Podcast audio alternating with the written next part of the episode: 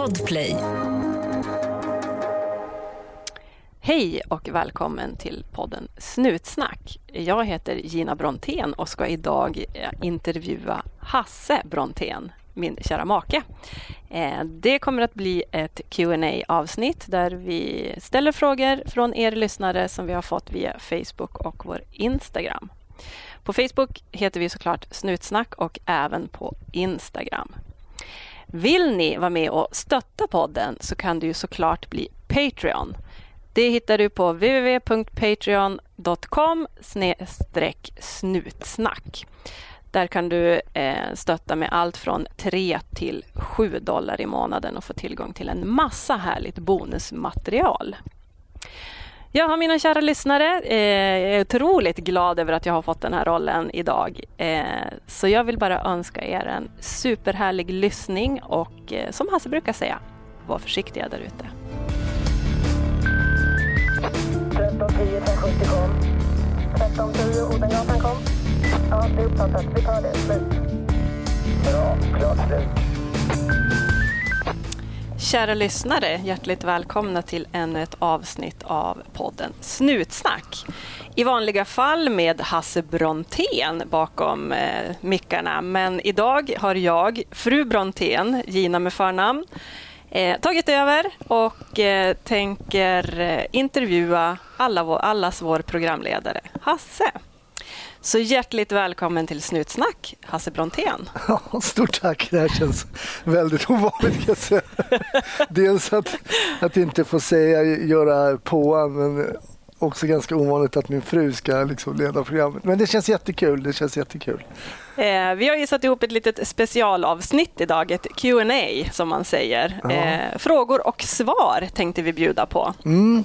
Eh, jag har ju suttit bakom eh, bakom kulisserna nu i nära tre års tid och eh, hjälpt Hasse med podden och vi får ju in så otroligt mycket frågor, tankar och funderingar från er lyssnare och eh, ja, ett av önskemålen har varit ett sånt här avsnitt. Just det, det har Så varit. idag kommer det. Till slut. Till slut, eh, jag vill börja med att fråga Hasse, hur tänkte du när du startade podden? Oj, kommer du med egna frågor? Mm. Jag kan berätta faktiskt exakt hur det var. Jag hade skrivit ner eh, lite case som jag har varit med om som jag tycker stack ut och som var lite udda. Och så tänkte jag någon gång ska jag skriva typ en pocket som folk kan liksom slita upp när de åker tåg mellan eh, Göteborg och Jönköping. Eh, men sen slog det mig bara att varför ska ju mina case kommer ju ta slut? Och um, det finns ju en uppsjö av eh, av intressanta ärenden och händelser som eh, poliserna ute i landet och då i början mina kompisar kan få, kan få berätta. Liksom. Så det var väl så. Då var ju poddar lite på tapeten och jag hade ju haft en podd tidigare som hette Hasse och hundraåringarna där jag intervjuade folk som var runt hundra. Som var jätteintressant att göra faktiskt. Det var, det var riktigt roligt.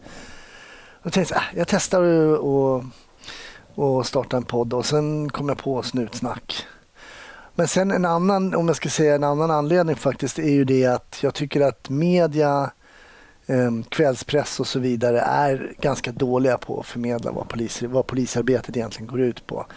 Och om man lyssnar på podden nu efter alla de plus 160 avsnitt som finns så tycker jag att man får en helt annan bild kring polisarbete än vad man får till exempel via kvällspress och sådär. Jag måste faktiskt säga att jag tycker det är fint som du brukar beskriva podden är att du vill visa människan bakom brickan.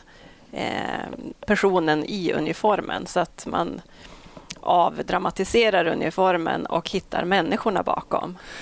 Ja, det är ju ganska tröttsamt tycker jag. Det, det tycker jag generellt när man buntar ihop människor i grupper och säger att alla är på ett sätt. Och poliser är ju, är ju väldigt så. Man pratar om A-cab, liksom. Eh, all cops are bastards och alla poliser är grisar och sådär. Men det, det. Eh, alltså, det, livet är inte så enkelt och inget är svart eller vitt. Och det är, jag är ledsen att göra alla polishatare besvikna men alla poliser är inte grisar och all cops are not bastards. Det är faktiskt så.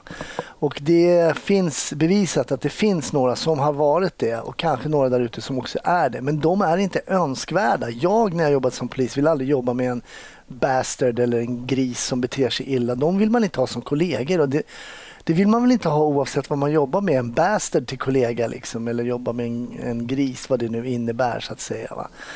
Så att det, det, det finns oerhört många fördomar. Men jag tycker i alla fall att, att podden har skrapat av en del av de här fördomarna kring polisyrket.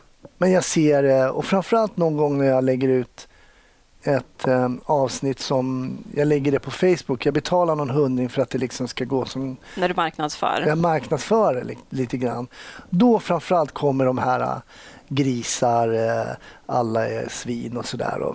Ja, jag vet inte. Jag, jag bryr mig inte. Om man är, ser världen så ensidigt eller en yrkesgrupp så ensidigt så får man väl göra det. Liksom. Men, men det är ofta vuxna människor. Och, uh, Troll finns ju tyvärr överallt och de brukar ju ploppa upp de gånger vi marknadsför avsnitten eh, mm. och skriva negativa och nedlåtande kommentarer om poliser. Mm. Eh, men samtidigt så tycker jag att det är bra att du svarar upp mot dem eh, och eh, visar verkligen att det inte är så att det finns fina människor bakom uniformerna.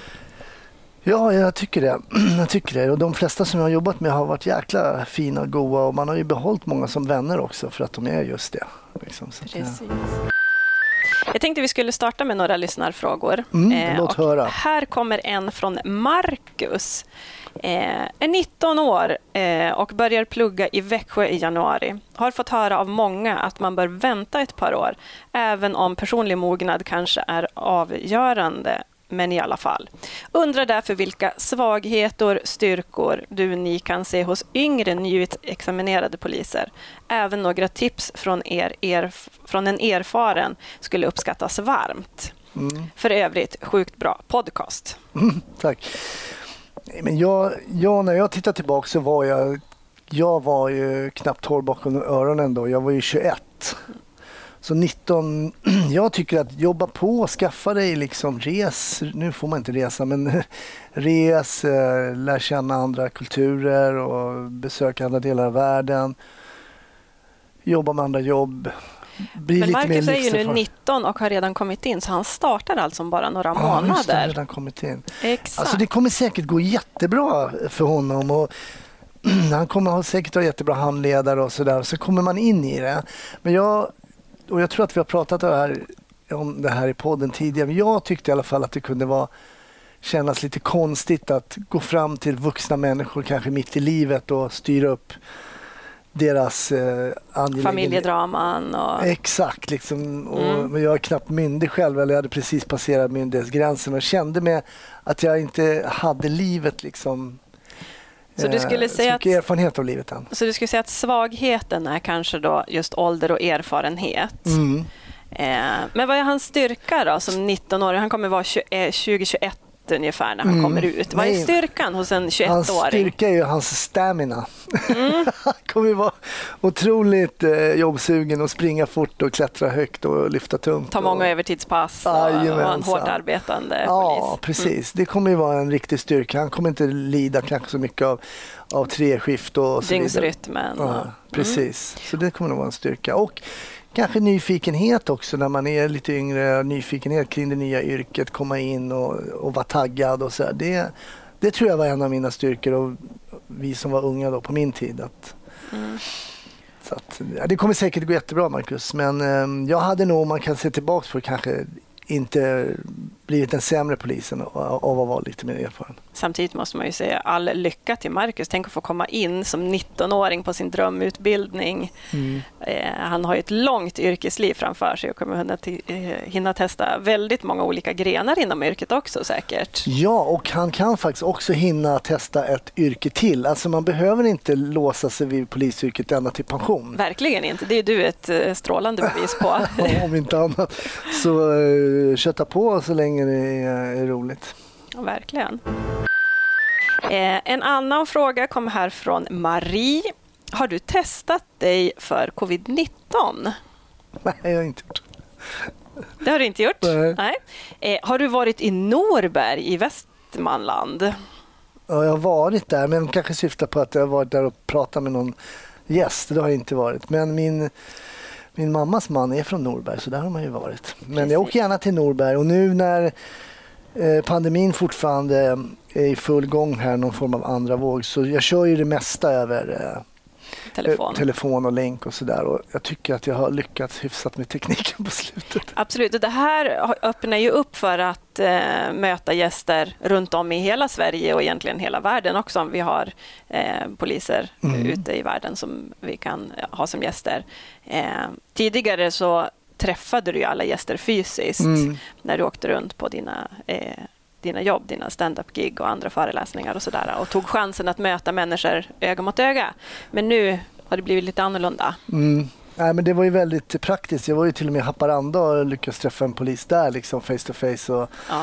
och det blir bättre och jag vet att det var någon som hade skrivit, jag tror det var på iTunes där när man kan recensera. Alltså Hasse avbryt inte dina gäster och det är aldrig eh, min målbild att vilja avbryta men ibland när man tar över telefonen och inte ser sin gäst så blir det ju mer att man hugger in när man vill ställa en fråga. Man ser ju inte när de ska pausera och man ser inte, man kan liksom inte höja ett litet finger och sådär. Så jag tycker alltid att avsnitten när man möts face to face blir bättre, samtalet blir bättre, jag kan se det i ögonen, jag ser när du är på väg att pausa, då kan jag ställa min fråga. Så så att det, Mm. Men det är det som det är just nu och det är bara att gilla läget. Absolut. Eh, Marie vill också hälsa dig eh, välkommen till eh, Elsa Anderssons café i Norberg. De har massa god fika där. Att... Tack Marie! Tack för det. Robert undrar, finns det något som du hade gjort eh, som hade gjort att du velat bli polis idag? Mhm. Och hade du gjort det? Finns det något som hade gjort att du hade velat bli polis idag? Nej, jag tror faktiskt inte det.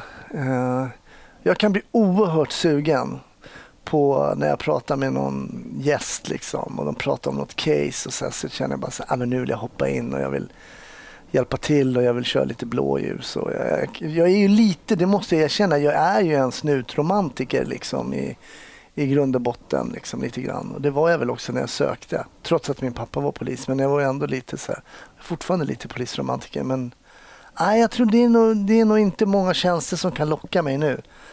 Men Polismyndigheten får gärna höra av sig och, och, och testa om de kan drafta mig nu under pandemin eller någonting när man inte har några gig.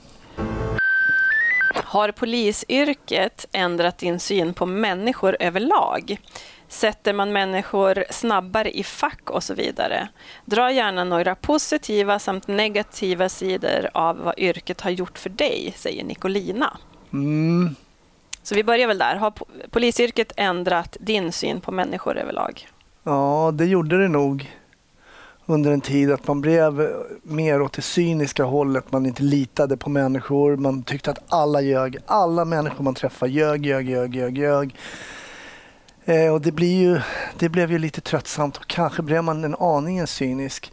Men sen tyckte jag arbetet med, mm, som, när jag jobbade mycket civilt och med, med missbrukare och så, också gav mig en insyn kring människors...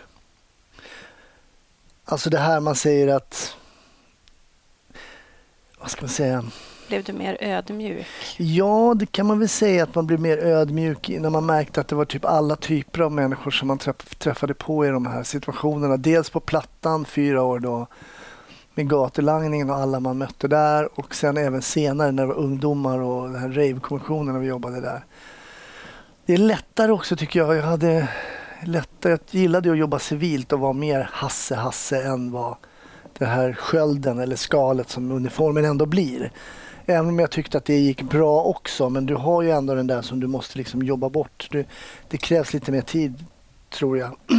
Men mitt intresse för människor har alltid funnits och det är jobbigt när det här lite cyniska pockar på, att man tycker att alla ljuger. Och, och visst har man haft en förmåga att dela in människor i, i grupper, det kan jag säga. Jag gjorde, gjorde ju bort mig en gång eh, i, mina, i ungdomens glada dagar på någon föreläsning för att vad man måste inse då om man jobbar på Plattan, alltså min verklighet där är ju inte verkligheten, den totala verkligheten. Men, men de jag, till exempel de iranier som jag träffade, som jag hade träffat då i början, vi säger på 90, ja, slutet 90 då. då men de höll ju på med heroin. Men de flesta iranier håller inte på med heroin. Men jag kände inga som inte höll på med heroin. Så jag tror jag sa något så här klantigt på en föreläsning så här. Ja, men är, eh, är det en iranier liksom? Och då menade jag, syftade egentligen på mitt arbete på Plattan.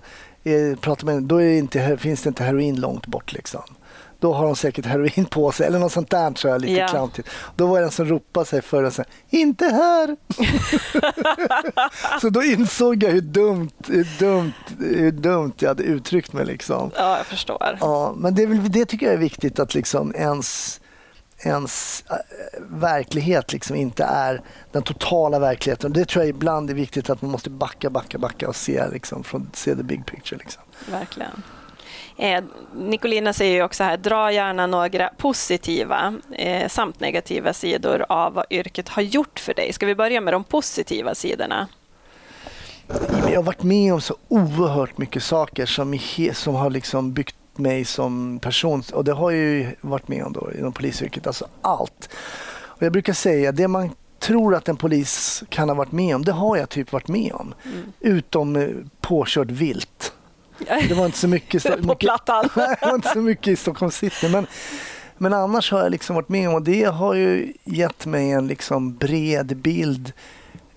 Allt från liksom eh, samhällets skuggsida till, eh, ja, till ja, ibland är det skuggigt på de ställen man tror att det ska, där solen ska skina också. Men ja, det har gett mig ett brett perspektiv faktiskt om hur samhället ser ut lite grann och eh, hyfsad eh, insyn kring människor. Liksom. Negativt då? Nej, men negativt, jag tyckte det var, det kände, det var väl lite en, anled, en liten anledning till varför jag slutade. Liksom. Att det var ju mycket negativt och då hade jag jobbat, när jag började söka jobb, jag började söka jobb, jag sökte så här jobb, fick något jobb för så här, sälja kopiatorer eller vad det var. Och ehm, då var det mycket, ja men det, det är klart missbruk, misär, folk dör, folk mår dåligt, folk, eh, alltså det, det tär ju på folk, på, på en att se folk må dåligt hela tiden och sådär. Jag, jag tror att jag blev lite, lite Hamnar du i någon form av negativ spiral där? Negativa tankar? Ja, eller? men jag, jag kände att jag inte hade samma go längre. Jag var väldigt eh, jag har alltid varit väldigt framåt som polis, alltid varit väldigt arbetsvillig och väldigt framåt. Så kände jag ett tag så här, men nu är inte jag lika på tå längre. Då sa jag, då kanske det är läge att göra någonting annat. Så det var väl, vad var det för svar på egentligen? De negativa sidorna Ja, av yrket, vad det har gjort för dig. Och de positiva är ju alla fantastiska människor man har träffat. Alltså alla kollegor, alla skratt. Och det påpekar ju alla gäster också. Den här, när man läser om kåranda i pressen så är det ju såklart väldigt negativt. Och vi, vi säger att poliser skyddar varandra, men det är inte sant. Alltså. Det, är en, det, det är det inte. Man skyddar inte alls varandra till eh, alltid. Det, det, det stämmer inte. Fast man har väldigt roligt tillsammans. Ja, men det har man. Man har väldigt roligt tillsammans. Men det finns ju också, det, jag ska säga det, det är inte helt en osanning det här med att... För jag har släppt iväg en eh, poliskollega en gång eh, som kom och körde liksom på Kungsgatan lite svajigt, kanske lite för fort. Han kanske inte just klockade honom. Ja, men så var det en kollega på Norrmalm. Ja, men åk då.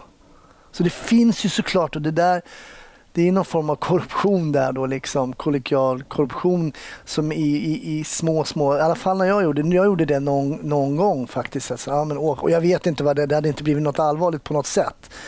Men ehm, jag har gjort någon sån liten grej, typ den. Vi har fått en åsikt kan man väl nästan säga. Aha. Eh, och det är Stene som har skrivit till oss och eh, han skriver så här. Jag har tröttnat på ditt tiggande av pengar och därför slutat lyssna. Jag gissar att han menar Patreon och jag tänker Hasse att du får berätta lite grann hur du tänker nu när du har startat upp det här Patreon.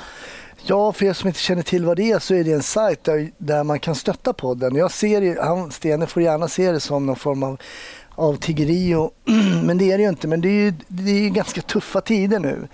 Och min största, min pelare som jag har stått på är min stand-up. Det är det som jag har liksom försörjt mig på.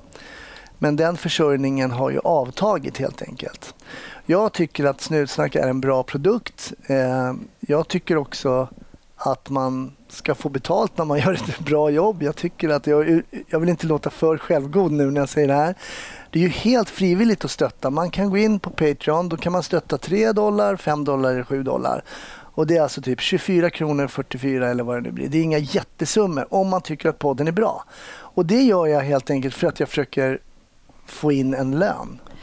Absolut, och jag vet ju också, i och med att jag då är din fru också, så har du ju enormt stora ambitioner för podden och vill ju att den ska utvecklas. Du vill ju kunna leverera bra avsnitt till lyssnarna. Eh, så det handlar ju också om förnya utrustning, du har börjat spela in rörligt material och du har ju liksom goda ambitioner för podden och det är inte helt kostnadsfritt, alla dina ambitioner heller. Så att jag förstår också din tanke att det är ju heller inte kanske just välgörenhet eh, du satsar med utan det är roligt att få betalt för ett jobb och det är roligt när folk uppskattar det man gör och mm. framförallt så vet jag ju att du vill utveckla väldigt mycket. Ja, nu fick jag senast från Daniel, min klippa, han sa att dina mickar håller på att lägga ner och antagligen är Jag har haft de här i snart tre år. Eh, men man har dem i väskan och reser och allting sånt där. Och det är väl kopplingar och sånt där. Så jag behöver köpa nya mickar. Och så. Men jag vet inte ens. Alla får ju avsnitten for free. Alltså, oavsett om du lyssnar på Spotify eller Acast eller vad det heter, så eh, Podplay så får du ju dem. Men om du är med och, och, och stöttar så får du också bonusmaterial och det är helt frivilligt. Du kommer alltid få originalavsnittet. Ja, men precis, precis. Jag vet inte vad Stene jobbar med, men jag antar att han kanske också vill ha lite betalt för, för, för sitt jobb. Absolut. Att, ja. eh, Joakim skriver här om en kriminalkommissarie är på väg till ett förhör med bil civilt Mm. och någon blåser förbi honom i 180 km i timmen, är det hans plikt då att plocka den fortköraren? jag måste erkänna att jag var tvungen att googla. men eh, jag visste att det fanns en skyldighet då, men för att få det korrekt så har jag faktiskt googlat fram den där frågan.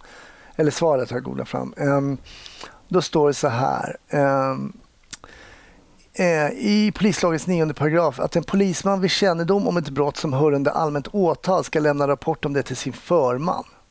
Och man behöver då inte vara tjänst för att göra det. Och sen så framgår det av polisförordningens fjärde kapitel, tionde paragraf att polismän när de är lediga är skyldiga att självmant ingripa för att trygga den allmänna ordningen och säkerheten. Så man har ju befogenhet att göra saker då på fritiden men det ska ju också vara i proportion så att säga. Så att man inte så att det inte blir, uppstår fel. Det ju, finns ju exempel när poliser går på krogen och så ska de ingripa och så är de på pickalurven själva och det blir sällan bra resultat då. Då är det nog bäst att ringa någon förman. Och jag kan väl också känna att åker någon förbi 180, dels är det väl kanske ganska svårt att bevisa att det gick väldigt fort, eh, så att bevisfrågan hamnar in där också. Och eh, kanske inte helt klokt att sätta efter då i 180 också och försöka stoppa den här. Nej, kanske när man inte, om man inte själv har, om, om man kommer i sin privata bil och ska försöka, nej det, det, det verkar synnerligen olämpligt faktiskt. Däremot så har vi ett avsnitt med Mikaela där hon privat ingriper eh, när hon ligger på en badstrand. Mm. Eh, väl värt att lyssna på och faktiskt ganska roligt att höra. Ja, Hon lyckades ju ja. övermanna. Och också blev en väldigt cool bild. De, de, den här killen som skulle sno den här mobilen gjorde ju ett riktigt dåligt beslut för det var ju tre extremt vältränade eh, tjejer. Som Polis Mikaela, en av gladiatorerna och någon annan tjej där. Så ja. det var inte tre svaga tjejer som... Nej, han åkte i backen rätt fort. Ja. Eh, Jenny undrar, vad är det konstigaste du varit med om som polis? Ja, det finns många konstiga grejer. Men en konstig grej eh, är ju när jag jobbade på Norrmalm och som ni kanske har sett på Facebook så finns det en bild när jag har låtit mitt då väldigt mörka hår eh, växa ut. Så då vart jag liksom av intresse för så här, ja men Brontén han ser inte ut som en polis, och honom skickar vi både hit och dit. Då fick jag gå in till kommissarien på Norrmalm som då hette eh, Hågestam. Mm -hmm. Han var ganska sträng kommer jag ihåg. Och då hade han det hade inkommit något tips om en eh, någon gayklubb, alltså någon bögklubb som hette PIR 59 på Rådmansgatan i Stockholm. och då var det någon så här bastulager med så här spridande av smitta och HIV och sånt där. Man, man fick inte ha så här glory holes och grejer. Alltså det är så konstigt. Vet, Vilket jag, årtal talar vi om nu? Nej, men det här måste ju vara 90... Kan det vara 93, 94, något sånt där. Ja. Och eh, jag skulle kolla så att de inte spred smitta där nere. På, ja, det var ganska oklart för mig och jag var ju alltså fortfarande inte 12 bakom öronen. Jag hade aldrig varit på någon strippklubb, porrklubb, eh, någonting sånt där överhuvudtaget i hela mitt liv. Jag var ju småbarnfarsa också. Du vet. Ja. Hur den var. Eh, ner, kommer in på det där stället som eh, PIR 59, det stod alltså med, det var så litet. Det var typ som skriver med minsta liksom fonten med minsta sizen. Så stod det PIR 59, så stod, aha, där gick man in. Då hade de, det var ju VHS-kassetter på den tiden. Då hade de Var det bara- markplan, källare? Markplan. Var, markplan. Mm. Mm. Markplan. Och eh, kommer in och där satt det någon skum snubbe bakom ett skrivbord. Liksom. Och så var det VHS-kassetter som på den tiden när man skulle hyra filmer. Men det fanns inga omslag utan de hade bara stoppat in så här, ett rutat kollegieblock och skrivit med så här två killar, en tjej, eh, tre killar. Du vet, så, bara så här skrivit. Så de hade ju filmat typ själva eller amatörrullar. eller, Ja. Jaha, så jag gick där och, och det fanns någon bås man kunde låna en film och gå in där. Men jag gick och och läste lite på de där lapparna på de där VHS-filmerna. kände mig så o, ganska obekväm måste jag säga. Och lite liksom så här skumt allting. Eller väldigt skumt ska jag säga att det var. Sen så går jag fram till den där snubben. Då sitter då står det en lapp så här. En trappa ner 80 kronor. Och så står det ägg 10 kronor. Så har han äggkartong liksom med ägg. Jaha. Kokta ägg, råa aning. ägg. Det är Ägg. bara en vanlig kartong. En sån du liksom bryter av så att du har liksom, Mm. Ett sexpack ägg. ja, typ. Eh, ägg. Nej, men jag frågade inte om det, men jag tänkte vad fasen ska de med äggen till alltså? Ja, ja, men jag tänkte jag får gå ner och titta, så jag betalade 80 kronor. Det här är bland det mest awkward jag har gjort. Går ner för en trappa, det är helt beckmörkt. Jag liksom håller med den där handledan och vet inte ens var jag är på väg. Alltså. Eh, sen ser jag längre fram när jag kommer ner, då ser jag lite så här, det liksom flimrar lite ljus som från en tv-apparat. Okej. Och tittar in där till vänster, då sitter ju en äldre herre där och, och drar i, i skinnbiten. Liksom. Så det var, ju, det var en syn jag aldrig hade sett tidigare. Längre in i lokalen är det två män som liksom, ja, verkligen, ja, de, de, de, De umgås. de umgås väldigt, på ett väldigt vuxet vis. Okej. Säga. Alltså det, var, det här var så awkward. Så tre personer. Ja, så jag försökte väl se lite avslappnad ut och luta mig mot, mot liksom dörrposten där. Det var lite större öppning sen, men liksom, tjena grabbar ungefär. Här har man ju varit flera gånger. Jag försökte göra någon estimera storleken på lokalen och så skulle jag kolla om det fanns så nödutgångar så man kan stänga liksom de, det här av, av andra anledningar. Då. Allting var rollat i svart. Det låg liksom kodisar och så dasspapper på golvet. Ja, det var riktigt, riktigt ofräscht alltså. Ja, hur den är, jag går runt där nere och tittar. Eh, Är det ett rum? Eller? Nej, det är fler rum. Så jag går och kollar. Det är fler tv-apparater. De har liksom filmer på. Folk smyger där runt väggarna. Nej, Det är väldigt, väldigt, väldigt, väldigt konstigt. Jag kan säga att det är en av få gånger jag inte kunnat somna när jag kom hem efter för jobbet. För att det här det var som att jag hade kommit ner i ett parallellt universum. Jag jobbade ändå som polis hade gjort det ett tag i Stockholm city. Men det här, det var så udda. Det var så, för mig var det en helt ny värld. Liksom, Som jag inte ens visste att den fanns. Det var så awkward. Tillbaka skrev min promemoria. ehm, eh, så kommer då kommissarien. Nej, just nej, det måste jag säga. När jag går därifrån då säger den här skumma killen bakom skrivbordet där med äggen. Han säger- bjuder in dig, eller hur? Nej, då säger han så här, kom på torsdag om du vill för då ska vi spela in en porrfilm. Och då kostar det 80 kronor att gå ner men du får även vara med i filmen. Ja, perfekt. Ja, eller hur? Det, är, det var faktiskt min första för sent framträdande innan standupen. Nej, nej, men eh, så då... Jag redogjorde för allt det där och då sa jag att det där är ju koppleri. Alltså du får betala 80 kronor och sen får erbjuds du sex. Sen att det filmas sen och distribueras, det är oväsentligt. Nej, tillslag på torsdag. Så det vart ju tillslag där. Ner med några, och jag tror att han är polischef idag, en av de som gick ner där. Men äm, det ska vara kul att höra om han kommer ihåg det här ärendet. Eh, ner där, det står någon taxichaufför med brallorna nere och det är liksom full filmning på gång. Vi kommer in, tänds upp, ja, det är riktigt ofräscht de här lokalerna. Eh, tänds upp och det är samma kuf där. Och det är ägg liksom. Då tänkte jag bara så jag måste fråga. Så jag gick fram till honom och sa du jag måste fråga men vad händer med, liksom, nu får du berätta. Vad, händer, gör du med äggen? Vad händer med äggen? Han bara tittade på mig så här. Nej, nej, jag tänkte bara om, om någon är hungrig så här så kan man köpa ett ägg. alltså, det, det, kan ju vara min poliskarriärs största antiklimax. Liksom. Han bara, men jag har jobbat i Frankrike lite och det brukar alltid vara så att man får ett, kan köpa ett kokt ägg om man är lite hungrig. Okej. Okay. Jag kan säga det, det där caset är nog en av de skummaste. Jag var vittna på det där sen också. Det, blev, det var ganska stora rubriker faktiskt i kvällstidningarna om det där på den tiden. Ja, det, det, det är nog en av de konstigaste i alla fall. Ja, men det kan jag förstå. Oj. Snart startar vår stora färgfest med fantastiska erbjudanden för dig som ska måla om. Kom in så förverkligar vi ditt projekt på Nordsjö Idé och Design. Det kommer en fråga här från Lotta också. Eh, varför har vi så lite poliser i Norrland? Eh, det finns fler i Stockholm än i Västerbotten och Norrbotten fast området är så mycket större och vi får vänta upp till en timme på hjälp i värsta fall. Ja, nej, men det är klart, vi har ju polisbrist i Sverige och det, det blir ju än mer um tydlig när det är så stort, stora avstånd såklart.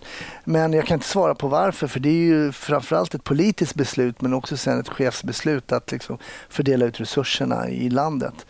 Men jag håller ju med om att det borde vara eh, tätare bland konstaplarna såklart. Men jag kan inte svara på frågan exakt varför. Nej, man kan ju ha tankar och funderingar. Jag är ju från Västerbottens inland, en eh, superliten kommun mm. eh, som heter Malå. Och det är ju verkligen så här, vi har nio mil åt alla håll till mm. närmsta liksom, lite större ort. Mm. Och när jag växte upp så hade vi väl ett par poliser, men de kan inte jobba dygnet runt. Eh, som sagt, det är långa avstånd med få människor i byarna runt omkring och sådär. Så att eh, såklart. För jag kan tänka också att deras arbetsdagar blir ganska tråkiga i en kommun med ett par tre tusen invånare. Det händer inte. Man kan ju inte ha hur många polisresurser som helst nej, heller på ett sådant nej, område. Precis. Det är sant. Det galna är att vi har haft en gäst som har jobbat i Malå. Ja, precis. Min bästa väns pappa faktiskt. Tom Ekedal. Det var ett fint avsnitt tycker jag. Hade gärna hört din berättelse om ett case där din förstahandserfarenhet av att leva med en mental sjuk person har hjälpt dig. Mm, det, är inte, det, var en väldigt intressant fråga. Vem är det som ställer den? Då? Det är Tina som säger. Mm. Och Hon har även en liten tillfråga där. Men vi börjar med första. då. Hade gärna hört din berättelse om ett case. Mm. Bakgrunden är att min pappa var bipolär. Alltså då hade en psykisk, psykisk ohälsa. Psykisk ohälsa. Och det har ju hänt. Jag hade en hel föreställning om att leva med en förälder som som led av psykisk ohälsa. Och det har hjälpt mig oerhört kan jag säga. Det är klart, du får en helt annan inblick. Eh, jag var ju bitvis ganska besviken på vissa så här, poliskollegor som kallade folk för psykfall. Och I början så hade jag inte riktigt modet och då kunde jag sitta i någon buss och tänka så här, mm, nu pratar du om min farsa liksom. Det, ja, det, det gjorde lite ont tycker jag att man inte ändå som utbildad eh, polis att man kan uttrycka sig så eh, men så okunnigt tycker jag. Men jag kan berätta om ett ärende faktiskt som jag hade i Nacka när jag jobbade i Nacka. Där det var en kvinna som hade försvunnit och det var barnen och det var kallt ute. Föräldrarna, eller mamman då, föräldern var borta.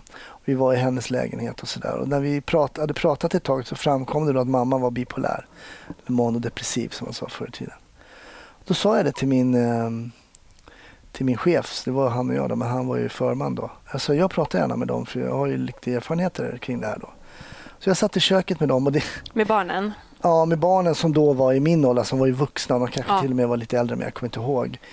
Eh, och jag var ju dryga 30 här och kanske någonting. Men eh, det blev ju oerhört, alltså vi, vi satt ju, det var ju precis som att man pratade med någon som, när man man vet att någon förstår en. Liksom. Mm. Det, vi började så här skryta om nästan vems förälder som har gjort knäppast grejer. Och, och, så det vart en oerhört ganska, vad ska jag säga, det vart en oerhört bra förståelse mellan dem och mig tror jag. Och att jag hoppas att, att jag tog bort det där polisiära, det verkligen liksom berättar. Men min pappa har samma sjukdom. Sen är det inte alltid den visar sig på samma sätt då liksom. Men pappa gjorde ju extremt galna grejer.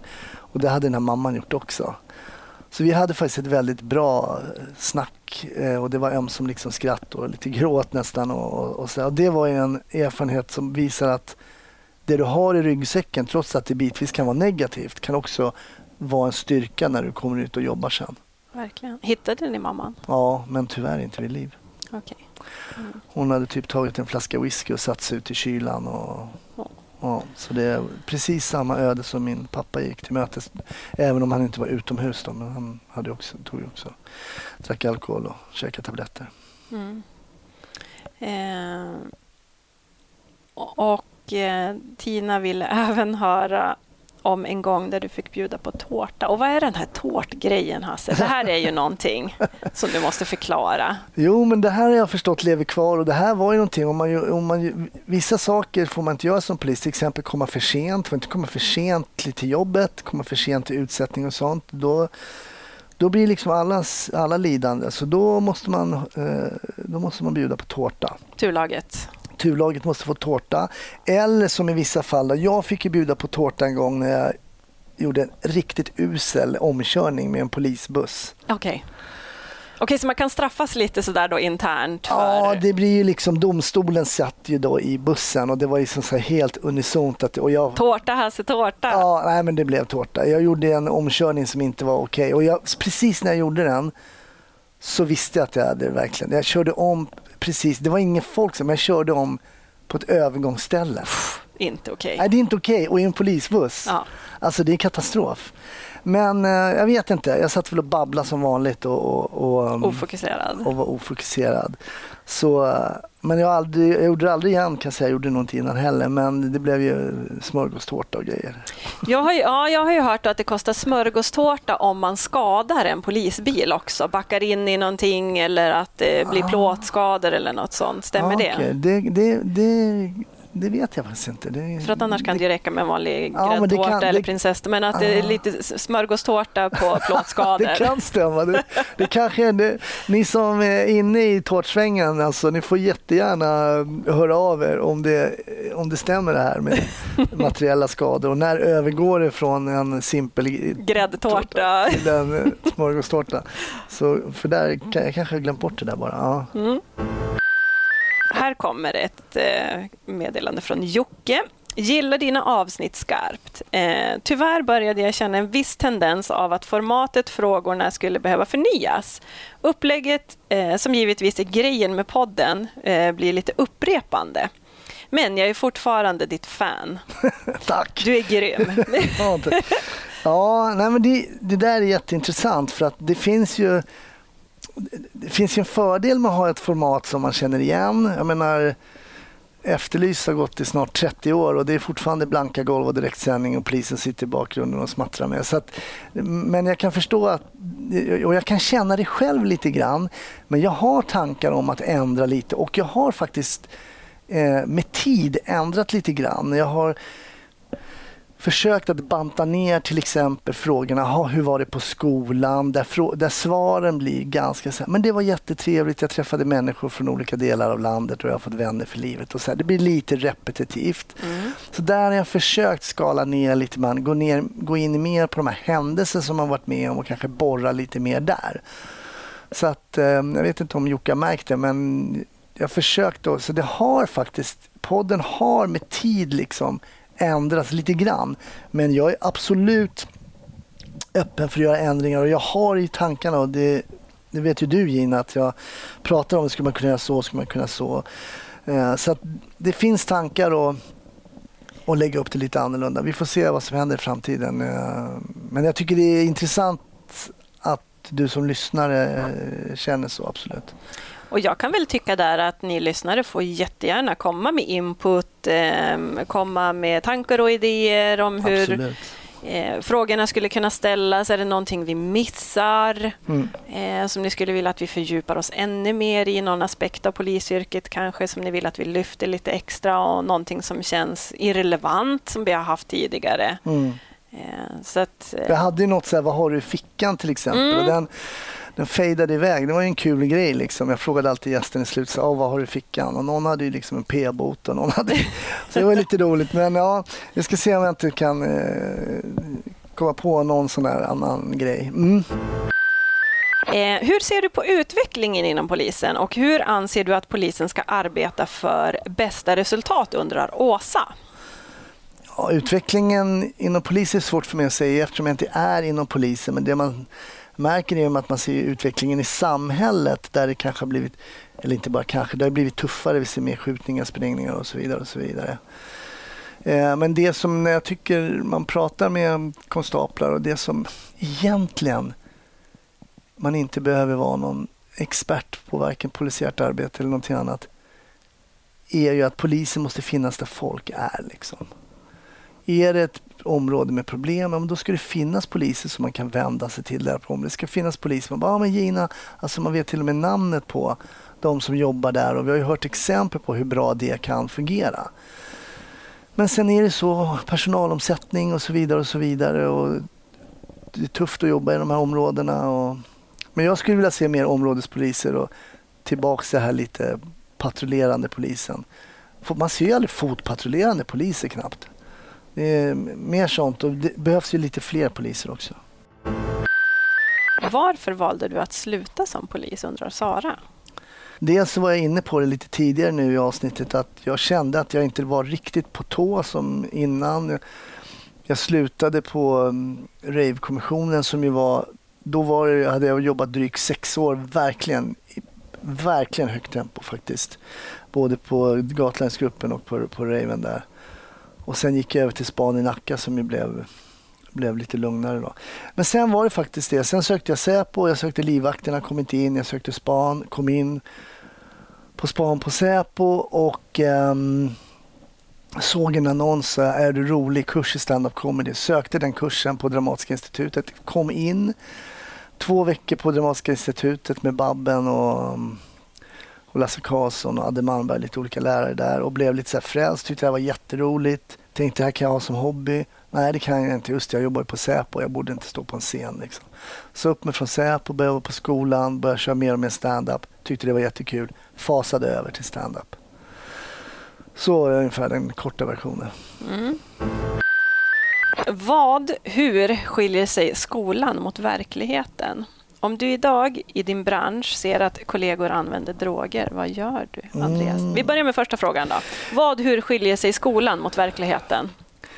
Eh, nej, men det är en väldigt skyddad miljö såklart i skolan och allt är det. Jag var ju lärare på skolan. Det var ganska svårt på ett sätt att vara lärare. Till exempel, jag hade narkotikakursen. Jag hade jobbat med narkotika i sex år. Jag kunde det som ett rinnande vatten. Eh, det jobbet. Jag var nationell, jag var nationell instruktör. Jag hade tagit fram ett nationellt utbildningsprogram som hade varit hos LAPD i Kalifornien. Eh, ingen kunde slå mig på fingrarna i alla fall vad gällde narkotika. Men sen ska jag förklara då. Alltså rättegångsbalken och, och det, allting är bara så chop, chop, chop. Det är som att det inte finns någon gråzoner. Men det finns ju gråzoner och de jobbade vi mycket med. Och det är svårt att förklara de här gråzonerna för studenter som inte har varit ute och jobbat. Liksom, vad är skälig misstanke och hur, Nej, men ring inte åklagaren, ta det här i beslag med stöd av fara i dröjsmål. Ja, men det ska säga en annan att man inte ska göra. Nej, men okej, ring åklagaren. Så jag fick sitta och, jag fick nästan, jag fick nästan vara lärare på ett sätt som jag lärde ut ett arbetssätt som jag inte riktigt jobbade på, vilket jag tyckte var lite konstigt, för jag var mer i, eh, i gråzonen. alltså, jag försöker förklara det där någon gång, men Alltså, men jag kan förstå hur du tänker. Eh, att Man måste ju alltid lära sig grunderna och det är ju när du kan grunderna som du kan börja hitta vägar igenom paragrafer, balkar och hela den biten. Exakt så. Ja. Eh, för kan du inte grunden du står på, lagtekniskt och sådana saker, då kan du heller inte göra de här, jag ska inte kalla det för genvägar, för det är det absolut inte, men du kan inte göra de här modifieringarna. Jag kan ta ett, bara ett tydligt exempel. Mm. Eh, eh, kommer, alltså, narkotika som man jobbade med som är väldigt små saker, alltså det kan vara kapslar, pulver och sånt. Eh, man ska ju ha ett åklagarbeslut för en kroppsvisitation till exempel. Och jag menar, när man ett x antal gånger sett att någon har kastat bort pulver eh, så inser man att jag har inte tid att ringa. Det finns inte tid att ringa en åklagare för då finns risk att bevisen förstörs och försvinner och man har personligen varit med om att det har försvunnit. Så därför fattar man beslut om en kroppsvisitation själv, vilket man då kan göra som svensk polis. Liksom. Och då pratar man om en stöd av fara i dröjsmål. Alltså det finns en fara om man dröjer att ringa åklagaren. Och det jobbade vi väldigt, väldigt mycket med och då kunde man också stödja det eftersom man hade den erfarenheten att nej, men, jag menar fem gram, eh, fem gram kokain på en ryamatta, det är borta. Alltså, Mm. Och när man har varit med om det så blir man ganska frustrerad och då ser man till att säkra och visitera och fixa allting. Och så har man det. Jag kan redogöra att jag har gjort det här helt enligt gällande lagstiftning. Men kanske inte som man hade lärt ut på skolan. Nej. Så jag hoppas att det var hyfsat tydligt. Eh, Men sen så på skolan är det också lite skyddat. Eh, Man pratar med, man har figuranter och det är ju liksom inte case i verkligheten men det är liknande verkligheten. Absolut. Så det är klart att det blir, men det handlar ju också om elevernas säkerhet och att de faktiskt ska få den utbildning för att sen klara sig i verkligheten. Så att, eh, och det går ju aldrig att få verkligheten till 100 procent på en skola. Nej, nej, nej, det gör inte det. det, gör inte det. Eh, om du idag i din bransch då ser att kollegor använder droger, vad gör du? Nej, men jag bryr mig inte faktiskt. Eh, Jag har inte varit med om det klockrent att någon har typ snortat en lina kokain framför mig. Men jag har väl anat vissa gånger att det har förskommit saker. Men I'm out of my jurisdiction. Jag jobbar inte det, men jag går heller inte och ringer till någon. Alltså, Nej. nej. Jag, jag, jag, jag har släppt det. Om jag är på en fest och, någon, och det luktar liksom braj så, så bryr inte jag mig. Eh, då ska vi se, Sofia har en fråga här. Jag vill höra mer om inre tjänst och det där tråkiga pappersarbetet. Vill du? är, du säker, är du säker på det? Eh, som inte tas med i alla filmer, eh, vilket nämns i alla poddavsnitt.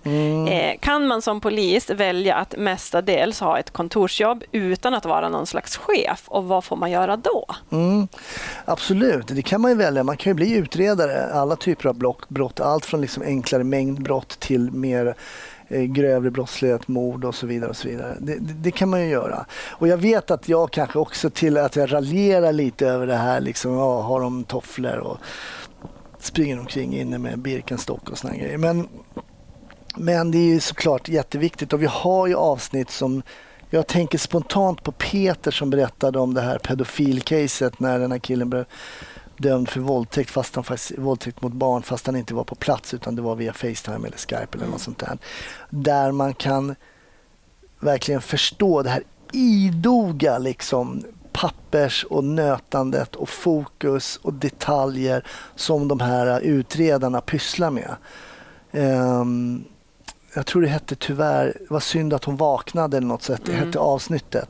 Eh, väldigt, väldigt intressant. Så, så jag kan vara lite sådär, kanske skämta om, ehm, om utredarna och krimmarna och sådär. Och jag har ju själv varit lite krimmare själv så jag ska eh, nog kanske vara tyst och inte kasta sten i glashus. Men, men man kan söka, det, det kan man göra. Man kan ganska tidigt gå in om man vill jobba som utredare och söka tjänster.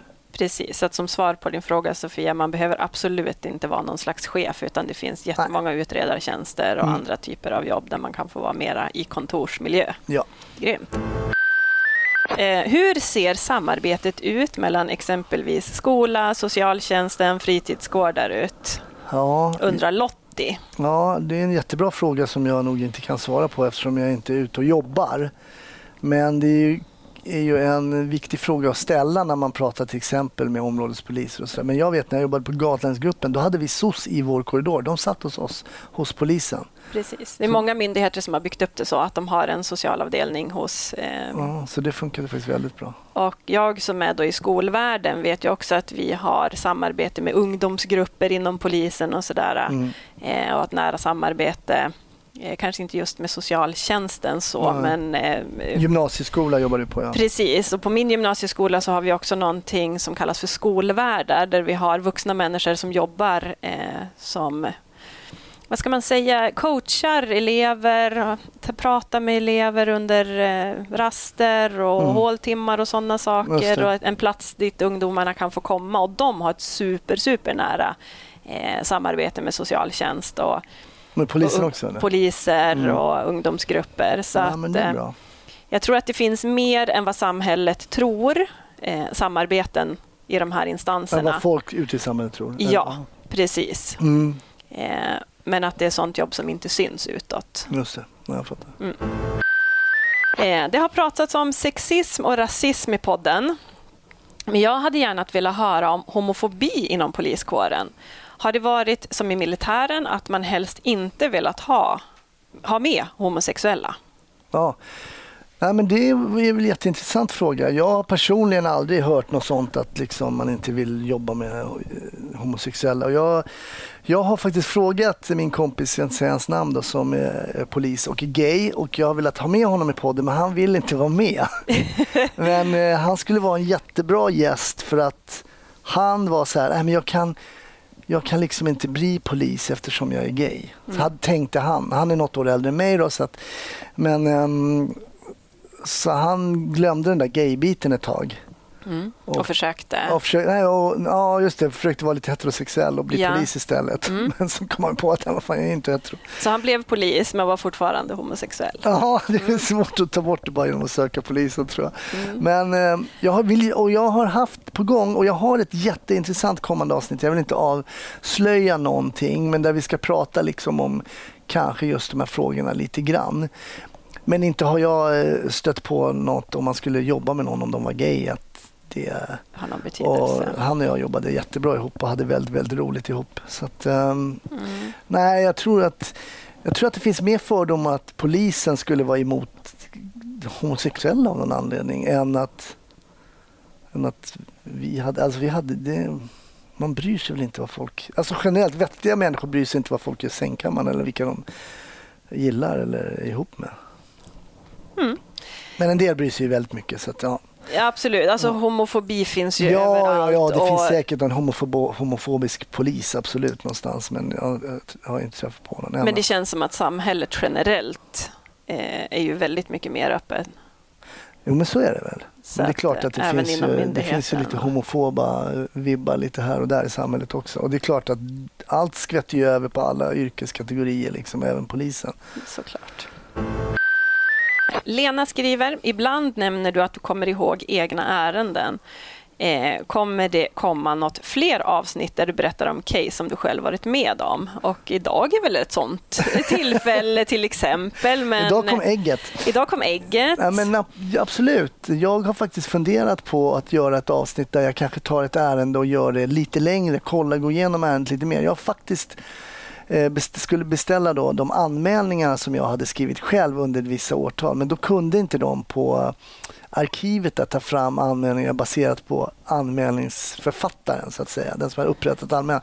Så jag måste känna till då den misstänktes namn och jag har lite misstänkta namn kvar i huvudet på roliga case.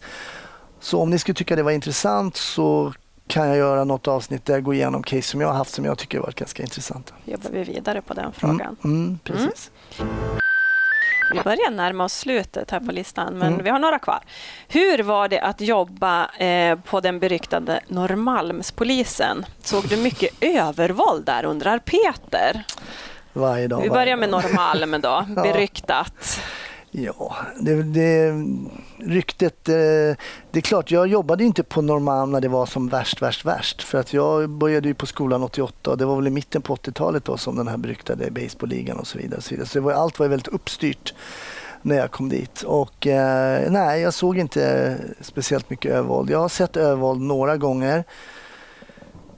Uh, en gång på Norrmalm som jag liksom har tänkt på efteråt var faktiskt en piketpolis som petade med liksom kängan i facet på en misstänkt som låg bojad. Vilket var så här... Mm, nej, men det var inget bra. Mm. Men det var inte liksom att han spöade honom, men det var ändå så här, typ erkänna och bara så här petade med. Det var, det, var, eh, det var väldigt oskönt. Men annars så, så var det nog som vilken station som mest. Alltså att det var vettiga, skötsamma. Och, men en del gillade nog att man jobbade på Norrmalm, att det hade ett rykte att vi skulle då vara tuffa. Det var en kille som kom som, han, som han mådde inte så bra men han var ju som blandmissbrukare och rörde sig in i city. Hittade honom vet, på Klara kyrka, han låg där och ansiktet fullt med grus. Så väckte man upp honom och så tittade han på oss och var, var kommer ni ifrån? Vilken polisstation? Och han var i min ålder. Mm. Han var från Narm. Fascister! Han skrek alltid fascister.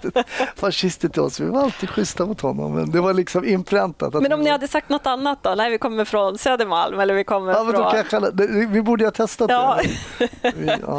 Så fascister på Norrmalm. Ja, nej, så, det, så jag har jobbat på lite andra st- olika stationer och sådär. Jag tycker det har känts ungefär likvärdigt. Eh, Du verkar ju trots allt gilla polisyrket. Skulle du kunna tänka dig att söka tillbaka och i sådana fall, var skulle du vilja jobba då, undrar, undrar Agnes? Nej, nej, ska bara, nej men, eh, då blir det en, rent- en rent hypotetisk fråga då. då. Men, nej, men jag, jag tror inte jag, som sagt, jag tror vi pratade om det lite tidigare, att jag inte, skulle nog inte vilja söka mig tillbaks.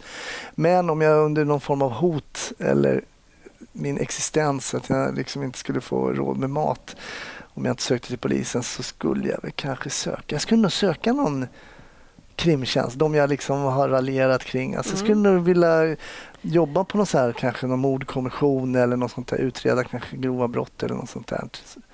Det tror jag är jättespännande, lägga pussel. eh, Jag har ganska bra tålamod. Och, ja, mm. Magda undrar, vilka är enligt dig poddens topp tre avsnitt? Ja, men den är svår. Alltså jag tycker den är så, så jag tycker inte, alltså det är, mm, de är så olika. Jag tycker alla har, det finns liksom charm i alla. Men jag tycker to- det finns ju två till exempel, två väldigt roliga avsnitt. Det tycker jag är dels Gorillaanfall med Ja. Petter som är från Umeå. Eh, det tycker jag var ett väldigt roligt avsnitt.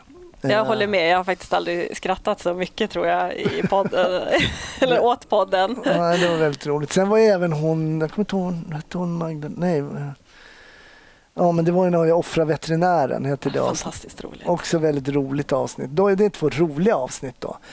Men sen, ja, jag nämnde det här Peter, jag tyckte det Mm. var väldigt intressant. Utredaren. Utredaren som utreder det här barnpornografi som man egentligen inte vill veta att det ens finns. Men samtidigt så är det också intressant och var väldigt nyttigt att höra hur duktiga de är och att de det är det där ACAB, All Cops Are Bastard. Mm. De griper pedofiler. Är det dåligt? Nej. Nej, det är bra. Nej, men, ehm, nej, men så tycker jag nu senast, det är klart, jag- det är väl så att de tidigare har ju kanske fejdat. Det är ändå tre år sedan jag spelade in, över tre år sedan jag spelade den första, så det är fade, så man kanske har dem så länge. Men jag tycker det med Madde nu, Mm, starkt avsnitt. när, hon, när de voltade med bilen och hennes kollega som också heter Madde dog. Och hon nätt och jämnt dog, alltså hon Ja. överlevde. Med, det tycker jag var väldigt eh, emotionellt och man kunde verkligen förstå det hon hade varit med om där med den där eh, bilen volta och hon beskrev det väldigt bra. Alltså det är svårt, eh, topp tre, så jag, jag vet inte. Det är svårt. Sista frågan för dagen. Ja. Micke undrar, jag tycker att du har en skön blandning på dina gäster. Hur hittar du dem? Ja, ja du Micke, det är verkligen högt och lågt. Allt ifrån när jag började podden så ringde jag till mina kompisar och före detta kollegor. Liksom. Men du måste vara med i min podd, för jag håller på att starta upp en podd. Och Anders som jag fortfarande är väldigt, väldigt god med, vän med, han fick ju äran att Premiär. premiäravsnittet nummer ett. Och det var roligt för vi har känt varandra i över 30 år. Och det caset som han berättade om hade han aldrig berättat för mig av någon anledning. Nej.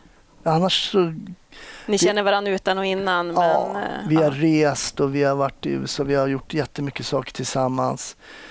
Och verkligen. Men just det, det var ett väldigt intressant ärende också. Mm. Eh, nej men och sen så tipsar någon av deras kollegor någon. Och sen får jag in jättemycket tips eh, via Facebook och Instagram.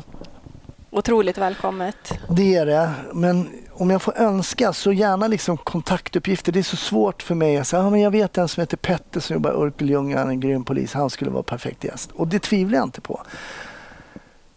Men liksom att leta upp, det tar så himla... Det är ganska alltså- svårt för poliser är ju rätt anonyma de flesta av dem. De går inte att hitta .se eller Nej, de nej, går precis. inte att... Eh, ja, det är inte så himla lätt att hitta telefonnummer och bara ringa upp Nej. dem. Så att, Men sen ibland har jag ju hört grejer så här, men den här vore intressant som till exempel Eva i Borås där. EG? Nej. Nej, det var hon i, det är hon i Ystad. Det, Mm. Nej, hon som eh, hon som sköt, som de knivhögg där ja, Just det. i Borås. Det, henne, det var ju en artikel av henne i Svenska Dagbladet, så henne jagade jag upp via tidigare gäster. För nu Mm. är det så här, ja, men den jobbar i Göteborg, den jobbar där, jag kan kolla där liksom. Mm. Så fick jag tag på henne och det blev ett väldigt intressant avsnitt. Så att, det är inte bara avsnitten, det är ju det här med att hitta gäster, boka tider. Och jag har ju varit pappaledig under höstterminen också så jag är ju svårt och dagtid har jag ju liksom inte varit tillgänglig. Så då får man jobba kvällar och försöka få ihop allting och sådär. Men jag är som sagt jättetacksam för alla tips och det. Men skicka gärna med ett nummer och fråga personen. Kan du tänka dig att vara gäst? Ja, bra, då skickar jag med numret och då kan jag ringa upp och då är liksom förarbetet redan gjort lite grann. Annars får jag forska och och då är det risk att de hamnar långt ner på prioriteringslistan. Så att har ni gäster som ni vill höra i podden, eh, fråga dem gärna. Mm. Vill du vara med? Kan jag skicka ditt nummer till Hasse? Och så gör ni det. mm, Eh, blir så mycket enklare och då är det större chans att ni får med era önskegäster i, i podden. så är det. Så är det. Eh, I övrigt så får du ju otroligt mycket tips. Ja, nej, jag är så glad. Alltså, ni är världens bästa lyssnare. Och det kommer- behöver ju inte vara några spektakulära case. Alla människor är viktiga. Alla poliser har en berättelse. Det spelar ingen roll om de har jobbat kort eller lång tid Nej, nej, eller vad nej. de har gjort under sitt eh, yrkesverksamma. Absolut, nej verkligen inte. Eh, så att alla, alla har någonting att komma med. Nej, verkligen. Och det, jag har ju haft gäster så här innan. Nej men, nej, men jag har inget att berätta. Det finns inget intressant. Så, men vänta, du har jobbat i 30 år liksom. Och sen kommer den värsta storyn plötsligt. Ja, nej, tack alla lyssnare. Ni är grymma och tack för att ni tipsar. Och bli inte nedstämd om inte ditt tips har kommit än. Men det ligger i någon... Du har väl gjort något Excel-ark? Jajamensan, vi har hur många som helst på lager egentligen, men det är som sagt lite research bakom vissa och Mm. tyvärr tackar vissa nej också av olika anledningar. Ibland har man inte tid och ibland så vill man inte medverka. Nej, Eh, så det kan också vara så att ditt, ditt tips har fått en förfrågan men valt att tacka nej också. Så kan det vara. Eh, så så kan det faktiskt också vara. Mm. Yes. Du Hasse, jag tänkte vi skulle avsluta. Mhm. Brukar du titta på polisfilmer? Ja, inte så mycket men... inte? Nej, men inte så mycket. Nej, jag inte nej, säga. tyvärr. Vi tittar ju väldigt lite. Ja, vi är småbarnsföräldrar nu. Nej, men det gör väl inte. Men jag tipsade ju, den måste jag ju tipsa på. Det var i mitt avsnitt så tipsade jag om Robocop. Ju, Mm. Som jag är lite sci-fi och sådär. Perry och jag satt, jag vet inte om det var i Patreon-avsnittet, men vi satt och snackade sci-fi. Eh, nej, men jag tyckte ju den där, eh, den var ju jäkligt spännande. Det var faktiskt du som tipsade om eh, när vi såg den här första säsongen av med eh, McConaughey där, vad heter han? Eh, Eh, ja, precis. Nu har jag ju tappat eh, namn. Nej, True Detective. True Detective ja. Precis. Och vi har ju bara sett, av, eller sett första, säsongen än ja, så Men länge. det var ju riktigt, eh, det var ju riktigt bra underhållning alltså. Mm. Så det är ett klart tips. Men om jag ska tipsa om något som För du frågar ju ofta dina gäster om Mm. de tittar på svenska polisfilmer Mm. och polisserier. Och, mm, Har du någonting där du kan tipsa om? Ja, men absolut. Jag tycker ju de här gamla Beck är bra. Alltså det är, då är det ju så här Mannen på taket och de här. eh. Mm. Men jag skulle vilja tipsa om en film som är, säkert inte så många har sett. Den är ganska mörk och sådär. Men med Harvey Keitel som jag tycker är riktigt bra skådis. Jag vet inte om jag har nämnt den. Jo, den här har ni pratat om tror Har ni gjort det? Ja. Bad Lieutenant heter den. Yes. Ja. Det är kul också att kolla på filmer om så här usla poliser. Absolut. Jag tycker han spelar så jäkla bra där, Harvey Keitel. Men eh, Annars, fasen, det är otroligt. Jag är inte förberedd på den här frågan. Men, eh, Du borde ha väntat den.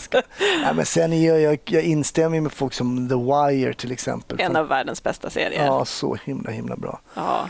Så har man inte sett den så måste man ju se den. Jag tror att den håller än idag. Nu är det många år sedan jag tittade på den i alla fall. Men, eh, Men en annan som jag inte tror att någon har sett, det är 48 timmar med Eddie Murphy och Nick Nolte, en gammal goding. film eller serie? Här film, Mhm. Det är 80-tal. Mm. När eh, Nick Nolte är så här hårdkokt polis men han tar hjälp av Eddie Murphy. Jag tror det var hans breakthrough-rulle liksom. Ja. Där de, han tar ut honom från kåken för att ska hjälpa till med ett case. Nej, den är riktigt bra. 48 timmar. Det, det får bli mitt tips. Okej, Eddie Murphy. ja. Ja. Alltså jag undrar nu, har någon någonsin tipsat om Bad Boys, Bad Boys? Nej. Det är ju en av mina absoluta favoritfilmer. Första Bad Boys-filmen. Med, eh, ja just det. Med, Will Smith. Ja, men det är för, ja. ja, vi får bryta här nu. Will Smith. Ja, ja men precis. Ja, det är du som... Ja, Ja, det det är är du jag som programledare här. Jag glömde bort att vi faktiskt inte bara ett vanligt samtal. eh, hur brukar vi avsluta podden, Hasse? Hur avslutar du? Eh, tusen tack, Hasse, för att du har gästat Snutsnack. Ja, tack. Det var det lilla. Ett nytt avsnitt kommer ju såklart nästa vecka också, Ja. nästa tisdag. Vad har du för någonting i pipen? Ja, men jag har spännande avsnitt. Ehm, jag vet inte om jag ska avslöja vad som kommer. Men antingen En kom... liten cliffhanger. En liten cliffhanger, jo.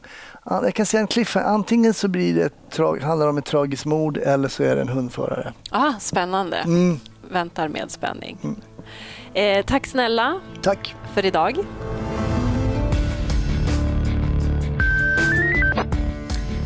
Tusen tack för att ni har lyssnat på ännu ett avsnitt av podden Snutsnack. Vill du bli Patreon och stötta podden så gör du det lättast på www.patreon.com snutsnack. Eh, ja, tusen tack för den här veckan och i nästa vecka är Hasse tillbaka som programledare igen och ordningen är återställd. Ha en fin vecka.